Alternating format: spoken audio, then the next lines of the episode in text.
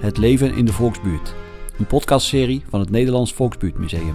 Maar eh, hij had één makker. Hij dronk. Het waren liefjes. En dan kwam je touwtje uit de deur en In deze serie staat de rijke geschiedenis van de Utrechtse volkswijken en hun bewoners centraal. En nu ging ik naar Ogenhal en dat was, eh, ja, dat was Jur van Herten. Meer dan 100 volksbuurtbewoners zijn geïnterviewd over hoe het leven vroeger was. En die nonnetjes die wilden mijn haar eraf scheren, kan je je voorstellen. In deze serie hoor je fragmenten van die interviews. Volksbuurtbewoners delen hun herinneringen, Dat als je ruzie had met een sterrenwijker, had je eigenlijk met iedereen ruzie.